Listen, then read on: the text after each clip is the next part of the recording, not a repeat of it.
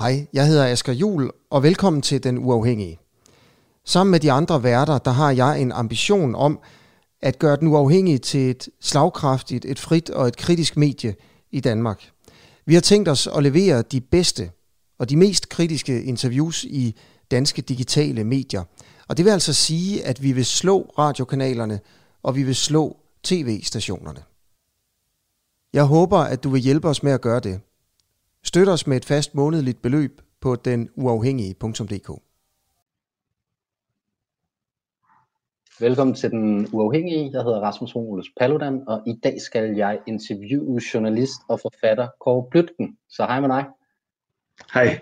Altså, for folk, der ikke lige kender dig, altså, så det kan vi lige så godt lige komme ud over, så bliver du ofte kaldt manden, der indirekte startede Mohammed-krisen. Hvordan var det, du gjorde det? Ja, det, det er rigtigt. Det var fordi, at jeg ville skrive en bog om profeten Mohammed. Fordi jeg har hørt så meget om ham. Fordi jeg var skolebestyrelsesformand på Blågårdsskolen på Indre Nørrebro, hvor mine børn har gået i skole. Og jeg hørte, at der blev sværget og ham og sværget ved Koranen og så videre. Og det hørte også de mærkeligste ting om, og jeg tænkte, det kan simpelthen ikke passe det her. Jeg må, øh, jeg må undersøge sagen. Og så begyndte jeg at læse de gamle islamiske skrifter, øh, altså de øh, historiefortællere, der er om ham og Koranen selv, og selvfølgelig osv. Og, og så fandt jeg ud af, jamen det er jo, det er jo en rigtig spændende historie det her. Jeg har skrevet, øh, jeg har skrevet mange bøger til, øh, til børn og unge. Og så vil jeg skrive en, øh, om hans liv, hans biografi simpelthen. Og så skal der jo illustreres, øh, det gør vi jo med, med børnebøger her i landet. Og så begyndte jeg at forlade og lede efter nogen, der ville tegne. Det blev, det var pludselig sværere, end vi havde troet. Øh, vi kunne ikke øh, finde nogen, og så videre. Og på et tidspunkt så siger jeg det til en af mine gamle venner, som arbejder på Ritzau på det tidspunkt, at øh, Nå, det kan jeg altså ikke rigtig finde. Og sådan Men så, så siger han, det skulle da en stor historie. Så siger jeg, nej, det tror jeg ikke. Men så venter han tre måneder med at publicere den, der er stadig ikke fundet nogen. Og så pludselig så går det, så går det rimelig amok. Øhm, det lykkedes os at finde en, som så vil være anonym, hvilket aldrig er godt. Men øh, da Ritzau-artiklen kom ud, er den pludselig forsidestof for politikken og rundt omkring. Og øh, endnu efter så ser jeg så, at øh, Jyllandsposten har taget tråden op, kan man sige, ved at spørge danske avistegnere, om det virkelig kan passe, at, at der er ingen, der vil øh, tegne Mohammed. Det er jo Flemming Roses, vel, så også så har en vis alder, berømte artikel. Og øh, der var 12 tegner, som, som godt ville, og Jyllandsposten bragte deres tegninger. Og en af dem var Kurt Vestergaards, øh, profeten med bomben i turbanen. Og fra dag af, så, øh, så gik der 3-4 måneder, hvor jeg intet fik lavet andet end at sidde og tale med journalister og, og politifolk og alle mulige andre. Ja, og altså året efter, der kommer din bog så ud med en forside, hvorpå der er en tegning af profeten Mohammed, men tegneren forbliver anonym. Ja. Yes. Yes, jamen altså, første spørgsmål her, det vil være, at du har allerede udgivet en del bøger om islam og Mohammed, og nu kommer så De skyggefulde haver, den illustrerede koran. Og det bliver så kaldt verdens første illustrerede koran. Altså, hvad er dit ærne med endnu en, endnu en bog om Mohammed? Er du ikke ved at være træt af det? Jeg er træt af Mohammed. men, men jeg synes, at, at, øh, jeg synes, at den manglede, der manglede en, øh, ligesom vi har alle de her bibelgenfortællinger for børn, øh, som er illustreret af alle mulige, og de findes i alle mulige versioner, så har vi ikke nogen øh, med Koranen. Men det er nøjagtigt lige så vigtigt. Altså nu, altså selvfølgelig kan jeg se vigtigheden, fordi jeg bor på Indre Nørrebro, men øh, i hele Danmark er det jo stadigvæk Danmarks absolut næststørste religion. Og vi har intet, der kan fortælle børn og, og unge, eller for den sags skyld voksne, som, som bare vil vide noget og overhovedet ikke har nogen forudsætninger. Øh, fortælle, jamen hvad er, hvad er Koranen egentlig? Øh, det, det, synes jeg var, det synes jeg var vigtigt at få, at få fortalt. Mm. Ja, ja, du skriver i den der klumme, der ikke blev bragt i Jyllandsposten, at det også er et oplysningsprojekt. Ja. Ja, ja jamen, jeg mener, det er, det, det, er, det, det er simpelthen nødvendigt, at, at vi ved noget om en andens øh, religion. Det er ikke nok, at, at så kan vi hele tiden øh, bede om at få danske værdier overholdt og bede om integration og assimilation lige frem. Vi er altså også nødt til at sætte os ind i, øh, øh, hvordan den anden, i det her tilfælde, hvordan den, den troende muslim, tænker. Hvad, hvad er grundlaget for han og hendes øh, religion? Mm.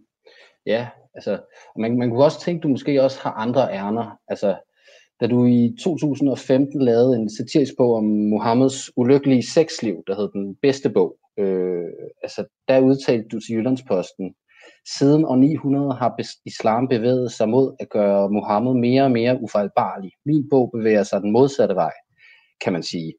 Målet var ligesom at hjælpe islam ind i den moderne verden. Altså, er det også målet denne her gang med denne her billedbog? Nej, det, det, ja, det, kan, det kan man, øh, det ved jeg ikke, om jeg helt vil, vil sige på den måde. Men det er klart, at, at øh, alle andre, jeg har også øh, gendigtet øh, og fået illustreret øh, verdenslitteraturens store klassikere, altså Decameron og Don Quixote og, og andre, ikke? og næsten alle øh, Holbergs øh, bøger har jeg gjort på samme måde. Så det er snarere en mulighed for at gøre det omvendt, kan man sige, at få børn og unge til at gå ind og se, hvad er de her klassiske værker. Ikke? Og, Nej, undskyld. Koranen er trods alt den næstmest udbredte øh, bog i verden. Men jeg ved jo også godt, jeg har jo oversat den, også sammen med, med folk godt nok og så videre. Den er jo, altså for sit liv, der vil ikke være, det er utroligt få her i landet, der, der vil kaste over den og læse den. Det er der selvfølgelig nogen, der gør, fordi den sætter stadigvæk. Men, men altså i forhold til, hvor mange øh, vi er her, og vi skal alle sammen leve sammen, så tror jeg, man er nødt til at have en udgave af Koranen, som, hvor, som alle kan, kan sætte sig ind i og læse. Og som selvfølgelig jo igen, men det mener jeg nu altid, de gamle religiøse øh, hellige bøger, jo er, bliver jo en form for fortolkning, fordi jeg for eksempel forenkler sproget. Ikke? Ja, altså forenkler sproget, jeg ved ikke om det er vers, jeg tror det er vers 38, budskabet, der skriver du, men for de ægte muslimer, der troede på mig, venter der en vidunderlig bolig. Altså det må så være den skyggefulde have. Ikke? Øh, den vil være omgivet af frugthaver og vingårde, og den vil være fyldt med jomfruer med store bryster. Det er en gave fra mig. I vil blive fuldt tilfredse. Altså så blev jeg bare sådan lidt nysgerrig i, i forhold til det her med store bryster. Hvis man ligesom går på nettet, så kan man se, at øh, forskellige folk, der fortolker Koranen, de diskuterer lidt, om det egentlig er store bryster, der menes. Øh, altså, altså nogen mener, at det er en kønsmoden kvinde, andre mener, at det refererer til et oprejst bryst og sådan noget. Så kan man sige, at det her er en fortolkning af Koranen, der nok vil provokere nogen? Nej, det er, det, det er en meget, altså lige det helt konkrete eksempel, du siger nu, er jo en meget almindelig øh, tolkning af, af jomfruerne. Men der findes jo utallige efterkoraniske øh, islamiske tekster, der, der nuancerer det, fordi folk har jo spurgt og spurgt og spurgt, og så har det her præsteskab skulle finde på nogle svar. For eksempel, at ja, men de vil alle sammen være omkring 30 år, og det vil, øh, det vil de døde også. Ikke? Altså, andre mener, nej, nej, hvis man dør som barn, så genopstår man også som barn osv. Altså, den islamiske tradition er jo mindst lige så rig og mangfoldig som den kristne tradition. Ja, det skal vi hele tiden huske på. Og det er klart, jeg, jeg kan jo ikke man kan jo tage min oversatte koran, den er fyldt med noter. Der er jo 100 siders noter der. Der kan man gå ind og se, jamen, hvilke islamiske retninger shiaerne, hvad synes de om det her skrift, hvad synes sunnierne, hvad synes Ahmadiyya-muslimerne osv. om det. Men her er det fortalt som en, en fortløbende fortælling. Og man skal også huske, at der er jo skrevet i min historie, der er skrevet nogle haditter ind. De er jo egentlig ikke fra Koranen, de er jo måske 100 år efter Koranen. Og de uddyber Koranen, hvor man ligesom har følt, at der, der mangler, for at vi kan forstå det her, for at kommende generationer kan forstå det her, så man nogle historier. Så, så siger man, at de stammer tilbage fra Muhammed. Og dem har jeg især brugt i forbindelse med profethistorierne. Mm. Fordi dermed så får, får vi sammenhængende fortælling om Noras ark for eksempel, om Moses, der splitter det røde hav osv. Fordi det er faktisk ret kort beskrevet i selve Koranen. Men du skriver så også selv i pressemeddelelsen, at det er verdens første illustrerede Koran. Og det er, altså, det er jo selvfølgelig et tabu altså at, at tegne profeten. Og så i et interview med Claus Rostein i programmet De Kontroversielle på p i juni 2020, der fortæller du også, at du altså godt kan finde på at smide et kanonslag i orkestergraven, når borgermusikken spiller lidt for godt. Og altså, at det er vigtigt at ruske op i tabuer. Altså, så, så hvis tabuet om at illustrere Mohammed er døende, så er din koran vel heller ikke sådan rigtig en bombe, så er det vel bare en knaldperle, eller hvad? Ja, det vil, jeg, det vil jeg jo håbe, at det er. Fordi jeg tror netop, at det såkaldte billedforbud, som jo vel at mærke ikke findes i Koranen, selvom utrolig mange muslimer tror det, at det det kan simpelthen ikke overleve i, i, i en moderne verden, i en moderne tid. Altså vores tid er en billedtid i den grad. Altså bare i forhold til, da jeg var ung, hvor det var bøger, der, der talte, de kunne selvfølgelig også være illustreret osv. Men i dag er det jo på nettet, og det er jo overalt skærme i andre henseende. Det er en billedverden. Det vil være helt umuligt for de aller, allermest konservative islamister at opretholde det her sådan, øh, billedforbud. Det er simpelthen dømt til at dø med historiens udvikling, og sådan, er det, sådan går det med alle religioner. Kristendommen også forandrer sig utroligt gennem øh, de sidste, hvad skal vi sige, 600 år for eksempel. Og, mm. og det kommer islam også til.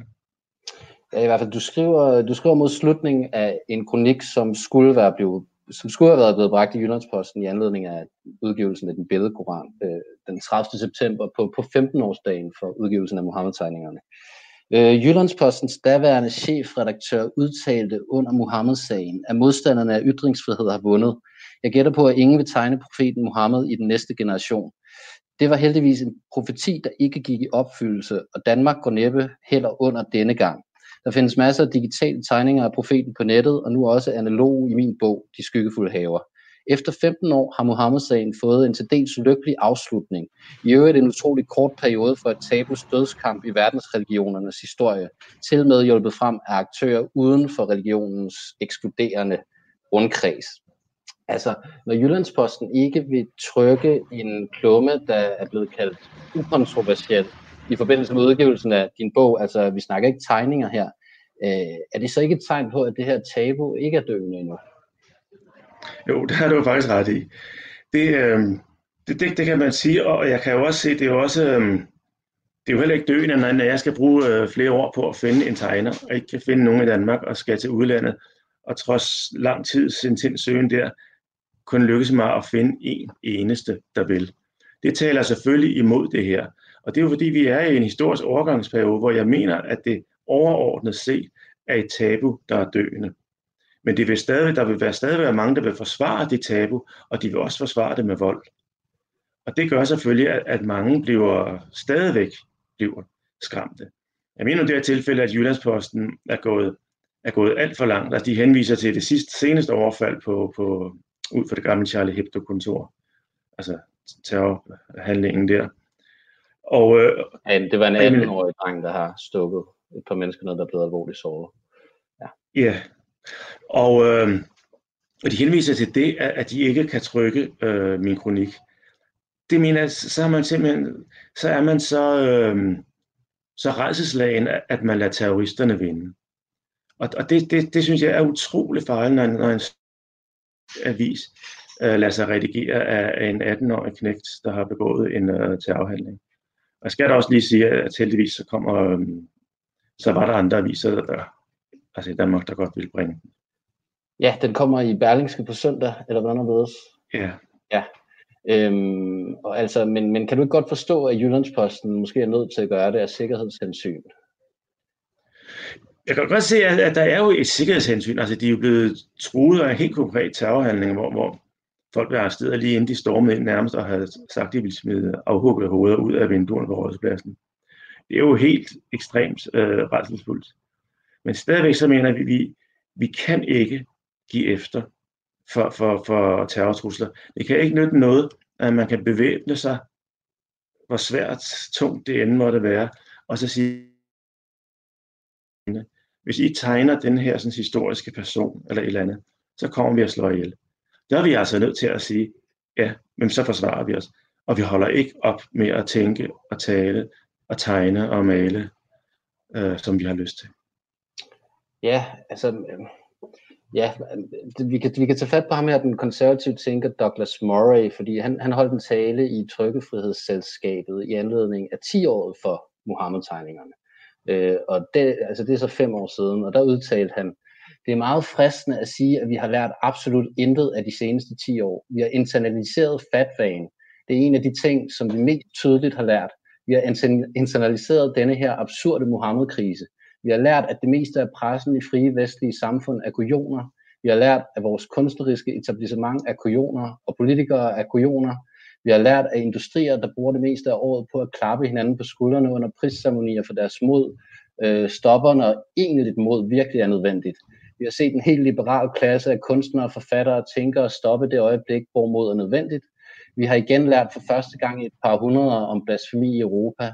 Hvis du for 20 år siden sagde, at den første del af det 21. århundrede i Europa ville være domineret af diskussioner om blasfemi, så vil folk sige, mener du ophævelse af blasfemilov? Det tror jeg dog, vi har gjort i Danmark i 2017. Ja. Øh, altså, øh, men mener du så, at den danske presse er kujoner, eller hvad?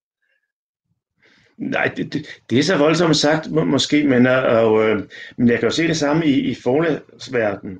Altså, da det så, jeg så fik en, øh, en, øh, en, en, en tegner fra USA, øh, så, og jeg fik de her tegninger leveret og så videre, så indrykkede jeg en annonce i øh, forlægger, brang, øh, forlæggernes øh, brancheblad, bogmarked, i 14 dage, hvor jeg skrev, at jeg søgte øh, en forlægger, eller et forlag, og jeg havde manuskript, og jeg havde også øh, de færdige tegninger. Og jeg kan jo lige sige, at jeg har altså udgivet på de fleste danske forlag, fra Gyldendal og ned til, til min mindre forlag. Og der er jo, der var en, der henvendte sig over ligesom at sige, jamen, må jeg ikke se, hvad det er for noget, du har? Altså det, og det, er, det man kan ikke bevise. Det er, det er ham der Bosch Forsten, altså han er vist også tilknyttet en organisation, der bevæger sig ud på den på en virkelig yderliggående højrefløj i USA. Øhm, så han er sådan en rimelig radikal type også. Altså du har sgu...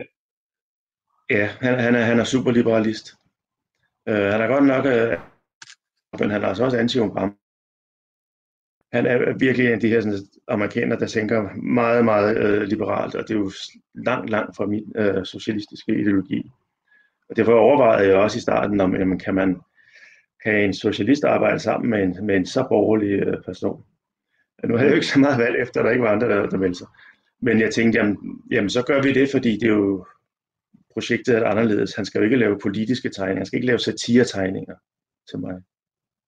Nej, altså kan du beskrive tegningerne i, i, i denne her billedkoran for os, altså for folk, der ligesom ikke, ikke ved, hvad det her handler om? Det er ikke, du kan, du kan se nogle af dem, hvis du Men jeg har, jeg har, jeg har set dem. Altså det, det er fordi, det er jo ikke, det er også tegninger, der er provokerende. Det vil jeg se. Ja, Altså, der, tænker, er en, der, er en tegning, øh, der er en tegning, hvor, øh, hvor profeten han er, han er sammen med sådan, måske en seks nøgne kvinder, og hans hånd er ligesom på vej op mellem den ene baller. Øhm, så, så, så, så det er, det er også en, en billedkoran, der, der potentielt godt, altså nu snakkede vi om, hvorvidt det er en knaldperle eller en bombe i orkestergraven, altså søger du ikke lidt at lave den der bombe der? Altså, hvis du ser, hvad der udkommer af børnelitteratur i Danmark, med de, mest, med de sværeste emner omkring køn og sex og vold og mobning osv., så, så vil du faktisk se, at dansk børnelitteratur i dag er, er nærmest uden grænser. Og øh, hvorfor skulle det så ikke også være det på det, det religiøse område? Det, det er det, der at øh, Bosch har illustreret i det her tilfælde, det er jo, at Gud giver Muhammed en, en åbenbaring, så giver ham særrettigheder. Altså hvor andre muslimer kun må have fire koner, så må han beholde alle sine, han har omkring 12 på det her tidspunkt. Og han må ligesom andre muslimer have alle de slavinder, han vil øh, ved siden af. Det vil sige, det er en meget, meget vigtig åbenbaring, Koranen, som øh, muslimer tit henviser til, når de skal vise, at, at Gud har specielt udvalgt Muhammed ved at give ham særrettighed. Han har så fremstillet et, et, et kig ind i øh, haremmet, hvor at, øh, man kan sige, de voksne kvinder er, er, ser meget jaloux ud, fordi nu kommer jo øh, lille Aisha, som øh, går hen og bliver Muhammeds yndlingskone, og i øvrigt er, er den mest populære historiske muslim blandt nutidens muslimer. Ja, men det er også bare for at sige, at det ikke er, en, altså det er ikke ligesom en billedkoran, der prøver at lave en fortolkning, der moderniserer Koranen til det 21. århundrede. Det, den, den, den, det er en fortolkning, der, der viser en, også en gammel side af Koranen. Altså. Det, er, det, er jo, det er jo vigtigt hele tiden at, at holde fast i, at vi snakker jo om en, øh, om en bog, der er angiveligt er, er 1400 år gammel. Og, øh, derfor, og den minder jo rigtig meget om, om det gamle testamente. Ikke? Der er jo øh, der er flere koneri, der er der er byer, der bliver destrueret af Guds vrede, der, der står utrolig meget om slaver for eksempel, og så videre. Der, må, altså, der vil store børn og unge og, og, og voksne, der eventuelt måtte, måtte læse med, de kan jo godt se, jamen det her, det, Koranen er jo et historisk dokument. Det er så gammelt her. Jeg selvfølgelig så har prøvet at gøre øh, delvis moderne, men delvis moderne. Mm. Du faldt lidt ud der, men jeg håber, jeg håber folk kunne høre det derhjemme. Øhm, yes, altså, det, det, det, det, det, i den her klumme, der er, øh, der kommer i Berlingske på søndag, nu afslører jeg ikke for meget af den, men jeg kan lige læse det her op, som du skriver. Øh, forudsætningen for et respektfuldt samvær er respekten for den anden. Der kan være tabu om spisevaner, kroppens synlighed eller tilladte billeder, men det er dit forbud, ikke mit. Sådan fungerer demokratiet. Det er sundt, at der indimellem for tiden meget ofte optræder krænkede i den offentlige debat, for i dialogens verden er der et utal af modstridende synspunkter, så krænkelse er uundgåelig. Modsætninger skal ikke druknes i respektens eller anstændighedens navn. Det er modsætningerne, der driver verden fremad. Det er ytringsfriheden, der udstiller dem. Det er derfor forret, forandringsangste magthavere ønsker reduktion af ytringsfriheden, selvfølgelig pakket ind i positive floskler om hensynsfuldhed og mindretalsbeskyttelse. Øhm, altså denne her bog, du udgav i 2015, den sikrede der ligesom livslang politibeskyttelse. Og jeg kan også forstå, at PET havde fat i dig øh, den 30. september på udgivelsesdatoen for billedkoran, øh, og, og, og kom ligesom med påbud om, at du ikke måtte gå uden for døren. Altså, hvordan synes du så, det står til med respekten over for dig i, i dagens Danmark? Altså, når nu vi snakker om, hvorvidt de her tabuer er døende. Jamen altså, jeg vil lige sige først, at, at PET giver ikke mig påbud. Altså, de kommer med råd, som jeg kan følge, eller, eller lade være at følge. Men det er rigtigt, jeg fulgte det. Øh, så spørger du om, om respekten for mig i dagens Danmark. Ja. Ja, men det, det kan jo på, hvad du mener. Altså, til daglig går jeg jo, jeg bor på Indre Nørrebro, daglig går jeg rundt her, øh, fuldstændig uden problemer. Jeg drikker øl på Blågårdsplads. Øh, jeg kører ind i, i butikkerne her. Øh, altså, jeg har, jeg har jo ikke noget problem. Folk ved jo, hvem jeg er. Jeg har også været et stykke tid her for nylig, hvor jeg var klummeskriver på, på lokalavisen. Øh, så folk ved udmærket, hvem jeg er og hvad jeg mener. Og jeg synes, det siger noget om egentlig, at, at vi skal også passe på ikke at beskylde sådan en hel befolkningsgruppe for at lige på lur og, med deres terror og overfalde alle mulige tegner og, og dumme forfatter der. Vi snakker om utrolig få mennesker, der har de her sådan, jihadit-tilbøjeligheder, øh, og som er, som er voldsparate. Øh, så i den forstand, jeg, jeg, jeg, jeg er rundt på skolerne, jeg er rundt på skolerne nu her på Nørrebro lige for tiden, ikke? Og, og ellers mange andre steder. Altså, jeg møder ikke meget andet end, end spørgsmål. Hvorfor synes du, det er vigtigt? At der skal, hvorfor, skal, hvorfor skal Muhammed tegnes? Uh, hvorfor skal der laves en, en anden koran end den, vi har i forvejen osv.? Og, og så får jeg en diskussion om det. Og det er, det er meget fornuftige diskussioner øh, som regel. Mm. Så altså, altså det er fordi, det er fordi når, du, når, du, når, du skrev i den, når du skriver i den der klumme, at, at, at det er et tabu, der er døende, det her med at, at portrættere profeten, altså, altså man, man kunne, godt, man kunne godt tænke, om ikke du egentlig bare gerne vil i tale sætte, at det er døende, fordi du ved, at det er den eneste måde, hvorpå vi ligesom kan komme ud over frygten. Fordi hvis der er en, der tør at gøre det, og, og, og der ligesom kommer hegemoni eller en eller anden form for konsensus omkring, at, at når men det er døende, så, så, så er første skridt ligesom taget, men, men, men, men, men det, det i praksis ikke rigtig er helt dødt endnu. Ja, men jeg mener også, som, som jeg sagde før, altså jeg tror, at vi er i en overgangsperiode, Altså en uh, tabuer i en verdensreligion, de dør ikke lige ved at knipse med fingrene.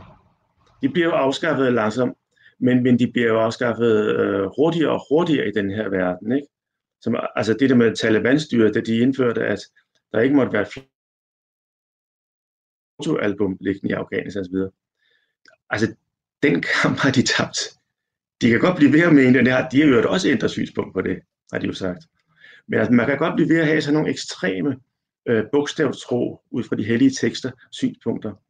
Men de er, de er historisk set, så er de døende.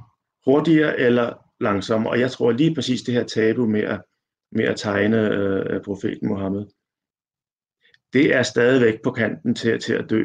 Men de, de fleste ønsker ikke at være med til at skubbe det ud over afgrunden. De ser lige, om der ikke er nogen andre, der gør det først.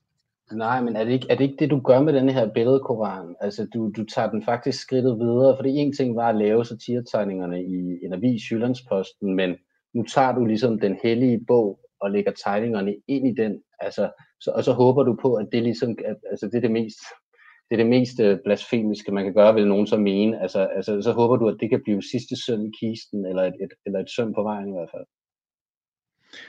Ja, det ville jo være fornemt, hvis det var sidste søm i, i kisten, og, og jeg kunne, kunne i graven bevidstheden om, at jeg havde ændret et tabu i, i en verdensreligion. Det, det er måske lige øh, at, at forlange for meget, men, øh, men, men det vil bidrage til det. Det vil bidrage til det, og jeg er helt sikker, der ingen som helst tegn på nu, at der er nogen, der føler sig forurettet. Og nu er det der, ja, hvad står der dernede, det er jo en tre dage siden, eller to dage siden i hvert fald, ikke? Øh, det, hvad, undskyld, du falder ud. Nej, du fortsætter bare. Øh, ja, jeg var nok færdig. Mm. Ja, men altså, så, det, altså, der er jo sådan nogle, altså, så er der en rapport om, om ytringsfrihedens vilkår fra maj 2020, øh, der så viste, at 76 procent af de adspurgte indvandrere efterkommer fra Tyrkiet, Libanon, Pakistan og Somalia mener, at i Danmark bør være ulovligt at kritisere islam, og det er så 18 procent i den generelle befolkning. Altså, øh, er, er det ikke nogen, det er i hvert fald nogle tegn på, at der er lang vej igen?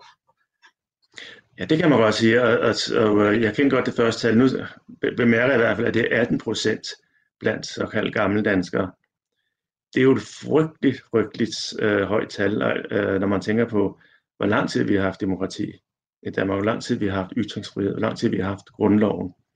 Altså hver femte mener, det skal være forbudt og, øh, ja, at kritisere islam.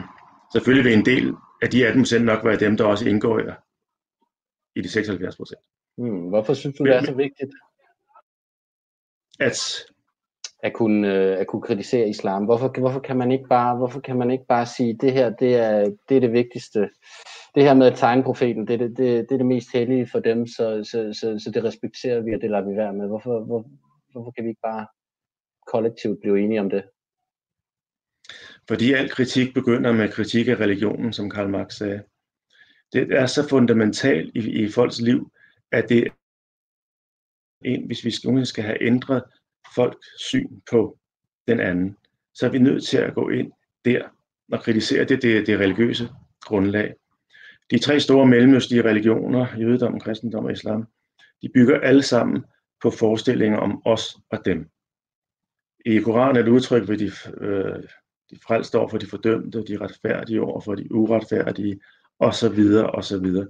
Det er hele tiden sat op, ligesom i Bibelen, bare på en anden måde i Bibelen, godt men det hele tiden sat op som et os-dem-system. Og så længe vi har religioner, der hele tiden øh, siger, ja, men dem, der tilslutter sig min religion, min hellige bog osv., de er de rigtige, og de andre er de forkerte. De er vantro, vi er de troende, de andre er vantro jamen så, så, så længe vil det være utrolig svært at, at leve sammen. Derfor er øh, en af forudsætningerne for, for, for et velfungerende samfund, det er, at det er sekulært, at, at det indbyggere generelt er meget lidt troende.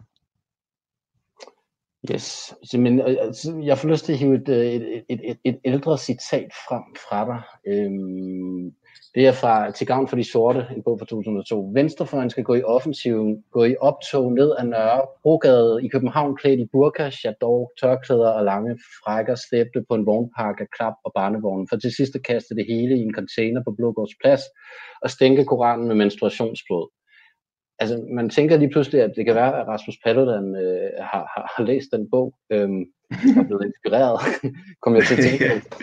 Hvad, hvad, ja. hvad, hvad, hvad er forskellen på det, som Rasmus Paludan laver ude på gader og stræder, og så det, du, du laver med denne her billede, Koran? Jeg vil lige sige før, det der citat, det er jo fordi, at det er en nøjagtig kopi af, hvad rødstrømperne gjorde inde på strøget hvor de tog alle de der, sådan, så, som de fandt sexistiske udklædninger og påklædninger frem, og til sidst øh, det container og, og alle de der ting. Det er simpelthen den, jeg har overført til at sige, jamen venstrefløjen kunne engang lave nogle aktioner, og der synes alle, det var, åh, det var skide fedt, det øh, rødstrømperne gjorde, og, og feministerne osv. Hvis man så lige prøver at vende den om her, og prøver at sætte øh, noget andet reaktionært ind i stedet for, uha, så bliver det, øh, så bliver det pludselig ganske farligt. Og øh, hvad kan man sige, når, når Rasmus Paludan, jeg ser ham jo jævnligt, og kan man sige, rende rundt med, med sådan en grillspyder, og så, og så en bog, der brænder. Jamen, altså, lad ham gøre det, det har jeg jo ret til, og jeg, og jeg var med første gang nede og kigge der, da det gik helt galt Blågårds plads lige inden øh, øh, valget. I dag har jeg jo siddet nede på runddelen, ikke i dag altså, men for nylig har jeg siddet på runddelens bodega og set ham gå forbi med sin brændende koran. Og der er ikke en, der bemærker ham. Der er ikke en, der rejser sig. Der er ikke en, der gider råbe af ham. Altså, han, han brænder ud, fordi han, hans budskab, det, det, er bare, det, er bare så, det er bare så negativt, det er bare så hadfuldt. Der er jo intet konstruktivt i det. Jeg mener bestemt, der er noget konstruktivt i at, at gøre Koranen tilgængelig for, for alle. Men ikke på de religiøse fundamentalisters betingelser, men på helt almindelige danske betingelser, at børnebøger i Danmark, de er illustreret. Mm. Ja, så, så du mener ikke, at altså, altså Rasmus Paludan, han sætter ild til Koranen udefra, og du gør det så indefra ved at lægge billeder ind i den? Hvad kan jeg sige? Jeg gør det indefra ved at kunne vise os unge muslimer, at det er altså ikke alt, de får fortalt, der står i Koranen, som er rigtigt, at det står der. Der er, der er, der er der mange øh, ting, som vi ikke bryder os om i dag i Koranen, fordi øh, den er skrevet for så mange år siden. Men, men der er også masser af de ting, de går til at fortælle til, at han ikke har hørt ned på skolerne. Som det som helst har med Koranen at gøre. Det er noget, folk finder på for lige at tage magten i en konkret situation. Mm. Ja, altså hvad er, hvad, er, hvad er nogle af de vigtige ting, altså, som, som du synes, at denne her billedkoran ligesom gør op med? Nogle af de myter, der hersker, eller forkerte ting, folk siger? Når de bruger ja, Koranen. Ja, nu bliver det så meget Koran. Hvad undskyld, det meget konkret, når man ja. har været uh, skolebestyrelsesformand på, på den lokale. Så det er jo så, der står i Koranen, at man ikke må tage på lejrskole. Der står i Koranen, at man ikke går til svømmeundervisning. Altså, det er jo ikke grotesk at tro, at øh, en bog, der er blevet til for snart halvanden tusind år siden i den arabiske ørken, skulle indeholde noget omkring svømmehalsbadning. Altså, det, det, det, er jo, det er jo så grotesk, så, men mit problem dengang, det var, at, at, øh, at det var, jeg kunne ikke rigtig gå i debat med de her sådan, unge mennesker. Fordi det var autoritet, at øh, det står akkurat, så, så lukkede diskussionen. Ingen ved jo, hvad der står i den, for at sige det lige ud. Øh, så lukkede diskussionen, og så, så kunne jeg ikke sige mere. Fordi øh, det, det var forbi, der Koranen er citeret, uanset det er, det er et falsk citat. Den er citeret, og så, og så er diskussionen forbi det, øh, det, gjorde mig, det gjorde mig temmelig frustreret. Det var en helt anderledes måde, vi normalt er vant til at, at, at diskutere på i en uh, dansk folkeskole. Mm-hmm. Ja, vi kan lige tage et spørgsmål her fra, fra Bjørn Gammelgaard. Hvor køber man Kors nye bog henne? Det skulle man gerne kunne gøre i, uh, det kan man gøre i, i en, uh, en hver boghandel, og ikke så kan man i hvert fald uh, bestille den der. Yes, altså så, men du kan ikke garantere, at den er fysisk ude i, i danske boghandlere? Eller hvordan? Det, det vil ikke være i alle, men, men det er noget teknisk, det får noget at gøre med, med, med noget boghandlerarbejde, jeg har givet. Men ellers skal man altid gå ind på min hjemmeside øh, okay, okay, okay. og bestille den der. Ja. Det er jo selvfølgelig også et tema i forhold til, hvor, hvor, hvor langt vi er nået, hvis, hvis boghandlerne ikke tør at have den. Nej, nej, det er, ikke, det er ikke fordi, de ikke tør. Det, det, er noget, det, det er noget teknisk i forhold til noget, der hedder boghandlerarbejde. Yes. Uh, så har vi uh, Lisbeth Borghed. Ja, du går af en eller anden årsag fri, men hvad med dem, der ikke gør? Der er jeg faktisk lidt i tvivl om. Uh... Altså, jeg ved ikke, om der er en, som jeg har, altså, har et ansvar. Altså, jeg bliver jo tit mødt, i hvert fald med det spørgsmål, at jeg har jo et, et medansvar for, for Muhammed-sagen og alt det, der er sket siden. Om jeg så nogle gange vil, vil stå ved det ansvar. Jeg ved ikke, om det er det, der menes. Ja. Men, men, men jeg har altid stået ved, at jeg har, jeg har da et, et ganske pænt øh, medansvar. Jeg vil også sige, at jeg ikke er enig. Jeg fandt jo ud af, hvor mange dagsordner, der var i spil. Islamiske øh, ambassadører, som havde problemer der på hjemmefronten, og så lavede de her ting. Der var nogle imamer, der havde problemer og indbyrdes strider i Danmark osv. Så der er, der er mange aktører. Men det er rigtigt, jeg, jeg er gået utrolig fri. Jeg får ikke nogen hademails. Øh, jeg får ingen dårlige kommentarer på, på gaderne på Nørrebro. Er du, er, er du stolt af, at du har været med til at, at, at, at sætte den her samtale i gang? Ja, det, det er jeg vel, det er vel egentlig nok. Ja, det er, fordi jeg synes, at jeg synes, det er en vigtig samtale, øh, og øh, i det hele taget at, at få også fortalt de allermest troende, at, at, at heroppe øh, nordpå, der har vi altså en samtalekultur. Vi er nødt til at kunne tale sammen, og, øh, og det med, med voldstrusler og sådan noget, øh, det er simpelthen uacceptabelt. Og, øh, og, og langt, langt de fleste er jo indstillet på det. Mm. Ja, altså øh, Martin Krasnik, han har også en klumme om Muhammed-tegningerne i dagens weekendavisen. Øhm, og han, han, han, han siger, at, at, at Muhammed-tegningerne, altså det er særligt den her med bomben, har haft en klargørende effekt. Øh, de afslører stadig en udbredt frygt, men med årene er vreden så åbenlyst dampet af. Altså hvis, hvis, hvis du også mener, at, at, at vreden er dampet lidt af, altså hvor ser du tegn på det? Ja, helt konkret kan jeg, jeg, jeg se, at der ikke er, er sket noget ved at udsende det, som du siger måske er den største blasfemi af alle, nemlig en, en illustreret koran. Der har jeg ikke mødt nogen øh, negative henvendelser overhovedet. Og folk har vidst i et halvt år at mindst, at, at den ville komme, og den ville komme i dag. Så, eller forleden. Øh, så jeg, jeg, jeg, jeg, jeg, jeg er overbevist om, at det, det, man kan ikke, man kan ikke øh, få stavlet en ny øh, Muhammed-sag på tiden, eller, eller på benene for tiden. Det kan man slet ikke fremover, fordi vi er, vi er et andet sted i dag. Og vi er, hvorfor hvorfor kan man ikke det? Jamen blandt andet, øh, fordi de her sådan ekstreme grupper, de her der al-Qaida osv., de står meget svære i dag, fordi at vi alle sammen ved mere, rigtig mange muslimer i Danmark ved i dag, de har altså ikke alle sammen vidst før, at der ikke er noget billedforbud i Koranen. Rigtig mange danskere ved i dag, at shia-muslimer, som trods alt er 10% af verdens øh, muslimer, de tegner Muhammed, de har lyst til at tegne Muhammed. Altså, der kommer mange flere nuancer på. Det, det, man kan ikke længere lave den der sådan, entydige, ah, vi hader Kurt Vestergaard, fordi han, han bomber. Og nu har vi også forstået, jamen det, det han ville med tegningen, var jo at sige, jamen der er jo nogen, der udnytter øh, islams navn til at, at, at springe sig selv og andre i luften. Og, og det ved alle i dag jo, jamen det, det er jo rigtigt. Mm. Ja, men det, jeg, jeg tænker lidt det der, altså der er jo, det, det bliver også brugt i den der øh, klumme eller kronik, altså at, nej leder undskyld, at, øhm, at de der tegninger ligger overalt på internettet nu og sådan noget. Men altså, der er jo selvfølgelig forskel på at, at, at lægge noget anonymt på internettet, og så rent faktisk stå ved det ved navn og få det udstillet i, altså på et galeri eller sådan noget. Altså, der er vel stadig et stykke vej igen der. Ja, men, men øh, ja, jo, altså, det var svært at finde en tegner. Så, og jeg kan jo ikke bevise, at det er frygt, fordi jeg har netop valgt ikke at spørge nogen konkret, men at spørge alle gennem annoncer i deres dagblad. Ikke? Men jeg tror nok, vi kan konkludere, at der er en angst for, for de her ting. Og det vil gå langsomt, inden den øh, forsvinder, men, men det, vil, det vil ændre sig. Det er jeg helt overbevist om det.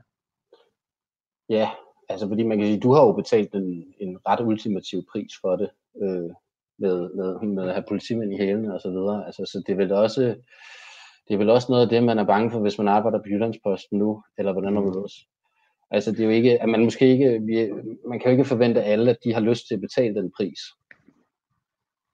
Det, det synes jeg også er helt fair nok. Altså, øh, folk skal jo ikke øh, ligesom blive inddraget i det her omveje. Altså det var selvfølgelig det, jeg frygtede ved, ved, ved den, den for, forrige bog, altså den, der udløste uh, Muhammed-sagen der. Det var jo, at der kunne jeg godt se, at på forlaget pludselig skulle der være betjente inde i receptionen. Der sidder jo nogle receptionister, der er intet har med min bog at gøre, og som formentlig er fuldstændig indifferent over for islam. Øh, det er jo meget uheldigt, hvis der kommer nogen stormende ind med, med maskinpistol der. Det kan jeg sagtens se. ja. Jamen altså, jeg siger tak fordi, at øh, du havde lyst til at være med. Og så, øh, så siger vi tak for denne gang, og, og tak til de lyttere, der lytter med. Øh, og det kan også høres øh, som podcast